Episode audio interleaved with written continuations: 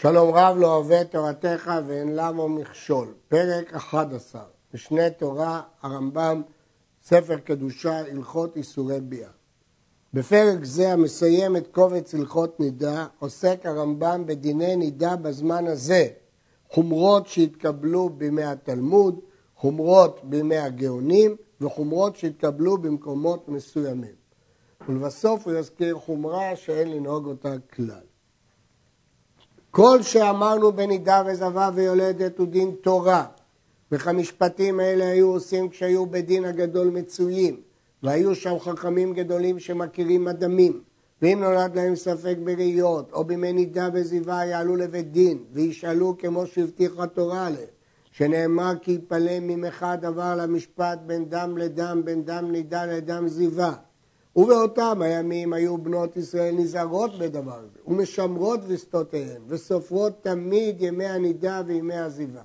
וטורח גדול יש במניין הימים. פעמים רבות יבואו לידי ספק, שאפילו רעת הבת גם ביום הלידה, ביום שהיא נולדה, מאותו היום מתחילים למנות לה ימי נידה וימי זיווה כפי שביארנו. ולפיכך לא תטמא הבת בזיווה אלא בת עשרה ימים. כתוב שבת יום אחת מטמאת בנידה, בת עשרה ימים בזיווה. מדוע? שאם ראת ביום שתיוולד, הרי זו נידה שבעת ימים, או שלושה ימים סמוך לנידתה, הרי עשרה ימים. הנה למדת שמתחילת ראייה מתחילת למנות ימי נידה וימי זבה כל ימיה ואפילו רעת והיא קטנה.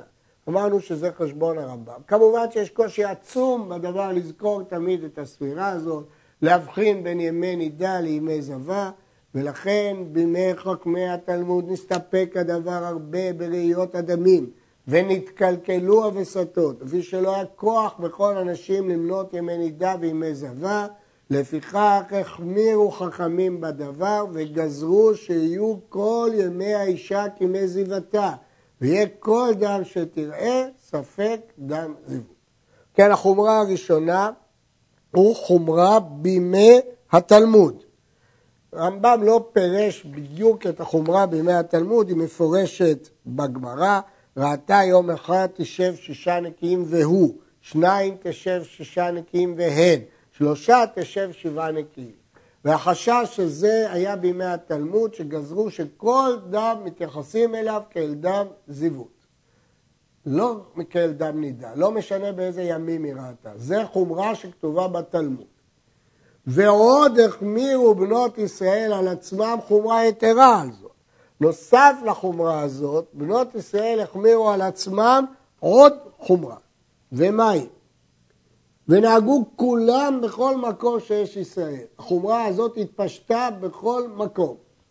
שכל בת ישראל שתראה דם, אפילו לא ראת אלא טיפה כחרדל בלבד, הוא פסק הדם. סופרת לה שבעת ימי נקיים. לא נותנים לה שישה והוא, ובטח לא שומרת יום כנגד יום, אלא שבעה נקיים בכל מקרה. ואפילו ראת בעת נידתה, בין שראת יום אחד או שניים או השבעה כולם או יותר, משיפסוק אדם צריכה לעשות הפסק בטהרה, סופרת שבעה ימי נקיים כזבה גדולה וטובלת בליל שמיני, אף על פי שהיא ספק זבה. או ביום השמיני, אם היה שם דוחק אונס כגון הגויים שלא נותנים להם לצאת בלילה, אז ביום השמיני, כמו שאמרנו, ואחר כך תהיה מותרת לבעלה. כן, זהו המנהג של החומרה של בנות ישראל. הפוסקים קבעו שהחומרה הזאת היא קבלה שחזקה מנדר ותוקפה כמו שקיבלו ישראל על עצמם, כמו שאומר הרמב"ם, ואין לסור ממנה לעולם. ולכן החומרה של רבי זרע נחשבה אצלם כדין גמור אה, ועיין בספר גלי המסכת ובספר מנחת שלמה מה שאמרו על חומרה זו. וכן, כל היולדת בזמן הזה הרי כיולדת בזוב. אנחנו למדנו שיש הבדל אם היא יולדת בזוב או לא, היום כל יולדת מתייחסים אליה כיולדת בזוב וצריכה שבעת ימי נקיים כמו שבארץ. נוסף לחומרות האלה, הוא מנהג פשוט בשנער ובארץ הצבי, בבבל ובארץ ישראל ובספרד ובמערב, בצפון אפריקה, שאם ראה דם בתוך ימי מלות, דהיינו ימי טהרה, אף על פי שראת החג שספרה שבעה ימי נקיים וטבלה, הרי זו סופרת שבעת ימי נקיים אחר שיפסוק אדם, ואין נותנים לה ימי תואר כלל. ביטלו את המושג של ימי תואר. אלא כל דם שתראה האישה, בין דם קושי, בין דם תואר, סופרת שבעת ימי נקיים אחר שיפסוק אדם. והחומרה הזאת היא בימי הגאונים. ודין זה בימי הגאונים נתחדש, והם גזרו שלא יהיה שם דם תואר כלל. שזה שהחמירו בנות ישראל על עצמם בימי החוכמי התלמוד, אינה אלא בהוראת דם שהוא טמא שיושבת עליו שבעה נקיים. אבל דם שתראה בימי תואר, אחר ספילה וטבילה, אין לחוש לו, על זה לא קיבלו בנות ישראל. שאין ימי תואר ראויים לא לנידה ולא לזיווה כמו שבענו, זו חומרה חדשה של הגאונים. ושמענו שבצרפת פועלים על דם תואר כדין התלמוד עד היום, אחר ספירה וטבילה מתרומת יולדת בזוב, ודבר זה תלוי במינה. אז נסביר היטב. אנחנו מתייחסים ליולדת כיולדת בזוב, והיא צריכה לשב שבעה לזכר ושבועיים לנקבה, והיא צריכה שבעה נקיים, וצריכה לטבול לערב, ואז היא מותרת לבעלה. אבל אם היא תראה דם, אפילו בימים של ימי מלות, זה לא קשור בחומרה של הגמרא, אבל את זה הגאונים תקנו, שדם של ימי מלות כבר לא מתייחסים אליו כתואר, אלא כדם טמא, ושוב היא צריכה לספור מחדש. אבל זאת חומרה שלא התפשטה לגמרי בכל ישראל, והרמב"ם מעיד שהוא שמע שבצרפת לא קיבלו את החומרה הזאת. אבל הרמב"ן והרשב"א כתוב כדעת המחמירים שלא לתת ימי תואר כלל, וכותב המגיד משנה, וכן אנו נוהגים ומורים, ודבר זה תלוי במינה. וכן, דין דם בתולים בזמן הזה, שאפילו הייתה קטנה שלא הגיע הזמנה לראות ולא ראה דם מימיה, בועל בעילת מצווה ופורש. כל הדינים שאמרנו, כמה ימים נותנים אה, לבתולה, לבעילה הראשונה, כל הדינים האלה הם בימי התלמוד. אבל בימינו רק בעילת מצווה ופורש. אף על פי כן, יש כולה. ומהי הכולה? כותב המגיד משנה, הסכימו הרבה מן המפרשים, וכך הלכה, שאין צריך להמתין בשעת יציאתו עד שימות העבר כדין הבועל את הטהורה ואמרה לו נטמאתי, ששם צריך, אסור לו לפרוש בעבר חי. אבל כאן, בבועל בעילת מצווה, יכול לפרוש העבר בקישויו, אף על פי שיציאתו הנאה לו כביאתו. לפי שדין תורה, דם טהור הוא, וחכמים החבירו. לכן התירו לו לצאת בקישויו. זה הכולה שיש בדם. אבל, חוץ מזה, מתייחסים לבעילת מצווה כבעילה אחת, ופורש, אה, ואפילו אם לא ראתה דם. צריכה שבעה נקיים, שמא היה דם וחיפתו שכבת זרע, ולכן בכל מקרה צריך שבעה, כמובן, אם הייתה בעילה, או אם ראתה טיפת דם. יתר על זה, עוד דין, כל בת שתבעוה להינשא ורצת, הסכימה, הייתה גרסה בגמרא ורעת, והרעב"ד תוקף ברמב"ם, והרעב"ד תוקף אותה, אבל הגרסה הנכונה לא רעת, אלא רצת, הסכימה. שואה שבעה ימי נקיים מאחר שרצת. ברגע שסיכמו על החתונה, היא סופרת שבעה נקיים, ואחר כך תהיה מותרת להיבהל. למה? שמא וכי מודע לאיש ראתה דם טיפה אחת ולא הרגישה בה. בין שהייתה אישה גדולה, בין שהייתה קטנה, צריכה לשב שבעת נקיים מאחר שרצת, ואחר כך תטבול ותיבהל.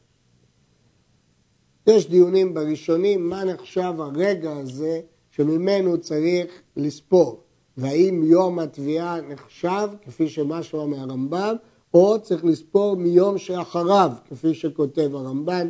כל הדיונים האלה נידונים בפוסקים ובאחרונים. וכל הדברים האלה חומרה יתרה שנהגו בה בנות ישראל מימי חכמי התלמוד ואין לסור ממנה לעולם. לא לומר אלה חומרות ואנחנו נקל, אין לסור ממנה לעולם, כותב הרמב"ם. לפיכך, כל אישה שרצת כשתבואו להינשא לא תינשא עד שתספור ותטבול. ואם נישאת לתלמיד חכמים, מותרת להינשא מיד ותספור מאחר שנישאת ותטבול. שתלמיד חכמים יודע שהיא אסורה ונזהר מזה ולא יקרב לה עד שתטבול. הרמב"ם מתיר להתנשא לתלמיד חכם מיד ותספור אחר כך, כי תלמיד חכם, יכול להיות תלמיד חכמים, יודע שהיא אסורה. הראב"ד חולק על זה בתוקף ואומר איך נתיר לתלמיד חכמים להתייחד איתה כשיש חשש שהיא ראתה טיפת דם.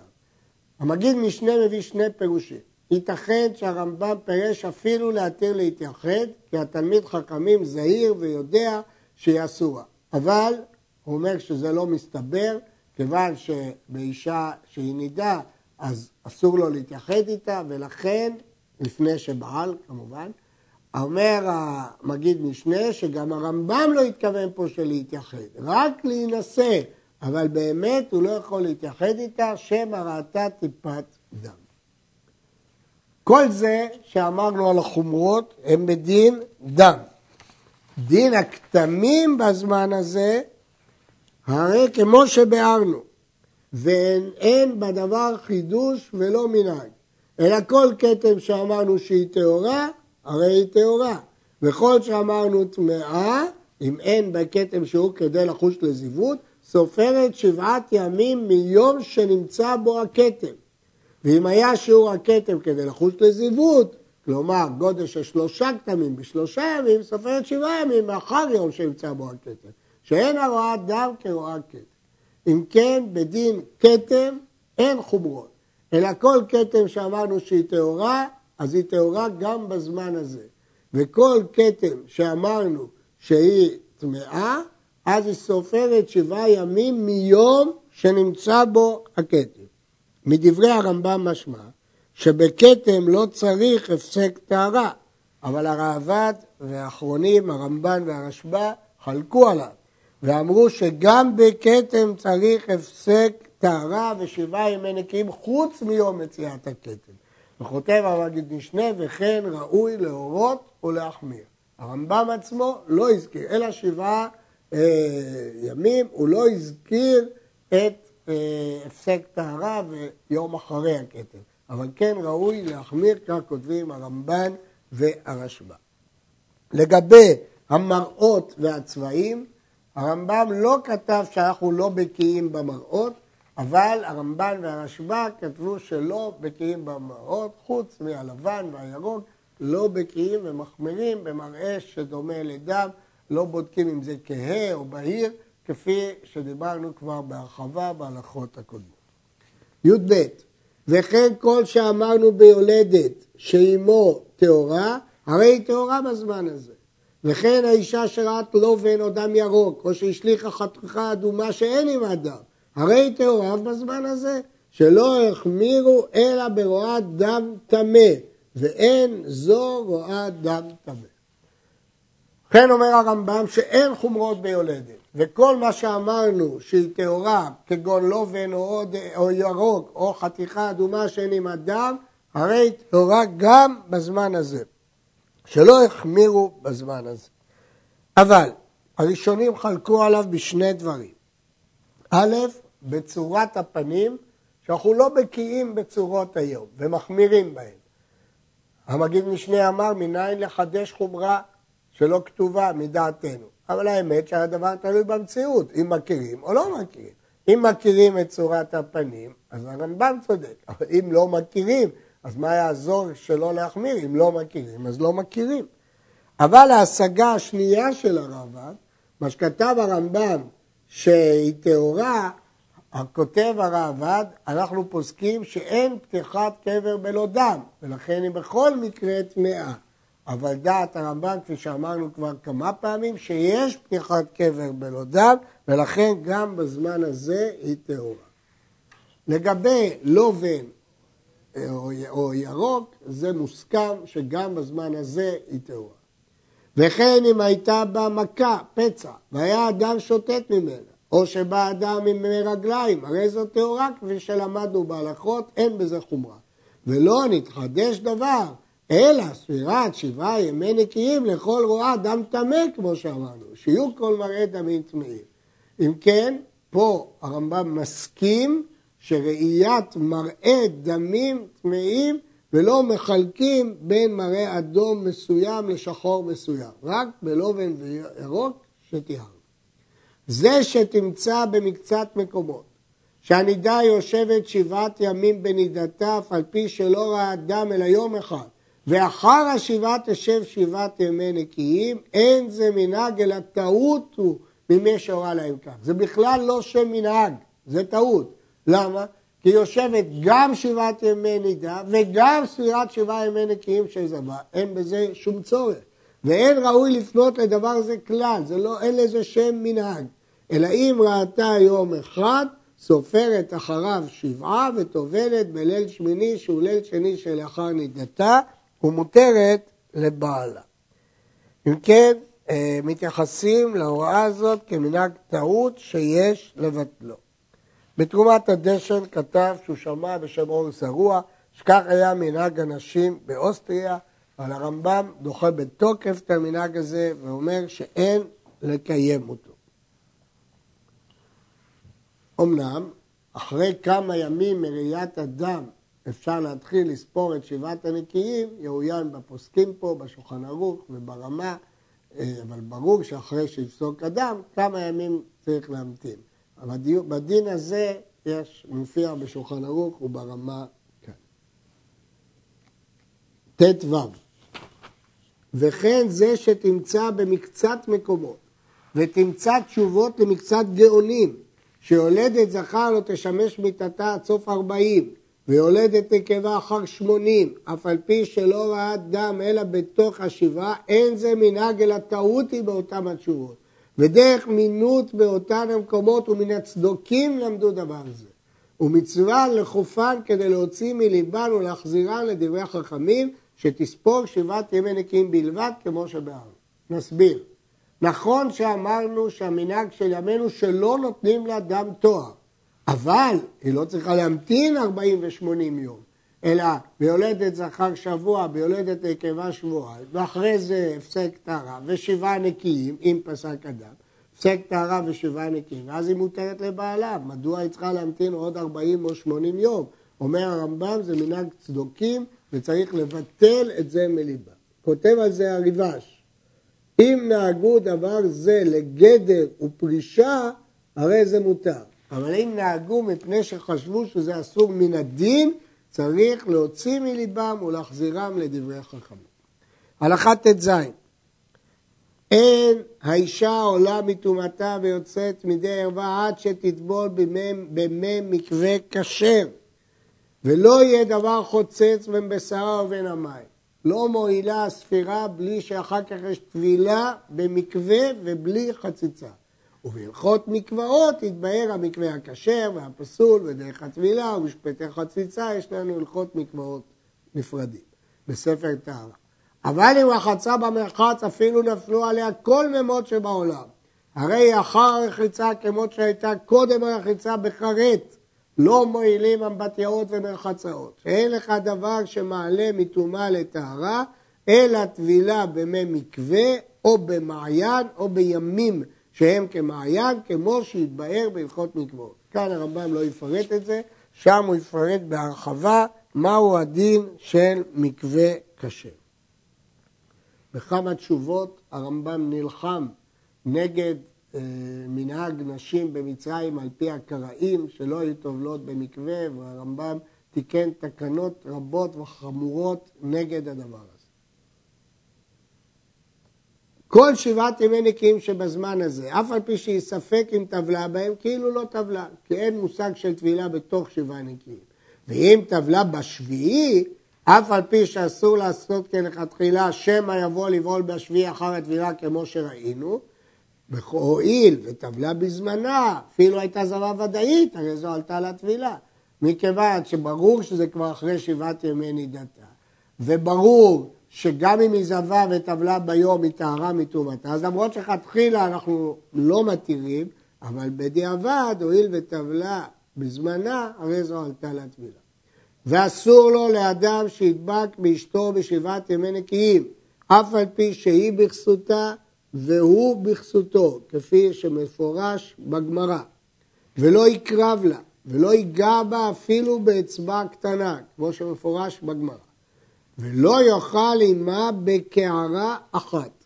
הרמב"ם אוסר לאכול עם האישה בקערה אחת, זה על פי הגמרא בשבת, לא יאכל הזב עם הזבה מפני הרגל עבירה, שלא יבואו לידי עבירה. הרמב"ם מפרש שזה בקערה אחת, אבל הרעב"ד והרמב"ן והרשב"א מפרשים שאפילו על שולחן אחד בשתי קערות אסור, אלא אם יש פריסת מפה להיכר, אם יש היכר. יש מקלים כדברי הרמב"ם, כותב המגיד משנה, והמחמירים כדברי הרמב"ן, הרשב"א והרב"ד עושים היכר, שלא יאכלו על שולחן אחד בלי היכר. כללו של דבר, ינהוג עמה בימי ספירה, כמו שינהוג עמה בימי נידה, שעדיין היא בחרט עד שתטבול כמו שבארנו. כל מלאכות שהאישה עושה לבעלה, נידה עושה לבעלה, חוץ מהרחצת פניו, ידיו ורגליו ומזיגת הכוס, המגיד משנה כותב שמזיגת הכוס של יין דווקא, אבל של מים מותר.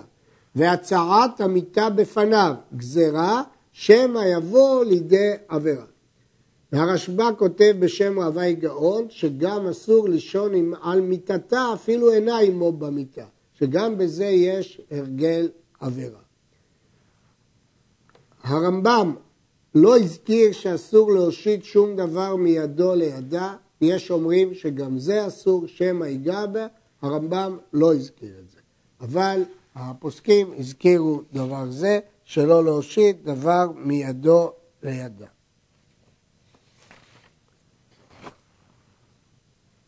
אבל כל זה גזרה שמא יבוא לידי עבירה, ומפני זה לא תאכל לבוא בקערה אחת ולא ייגע בבשרה, לא מדיני טומאה אלא מפני הרגל עבירה. וכן בשבעת ימי נקיים לא תעשה לו שלוש מלאכות אלו. ומותר לאישה להתקשט בימי נידתה כדי שלא תתגנה על בעלה. מותר לאישה להתקשט בימי נידתה, כתוב שהתירו לאישה, הראשונים היו אומרים הדבה מנידתה, זקנים הראשונים אמרו שלא תאכול ולא תפקוס ולא תתקשט בבגדי צבעונים, עד שבא רבי עקיבא ולימד אם כן אתה מגנה על בעלה ונמצא בעלה מגרשה, אלא התירו לה להתקשט כדי שלא תיאסר על בעלה. עד.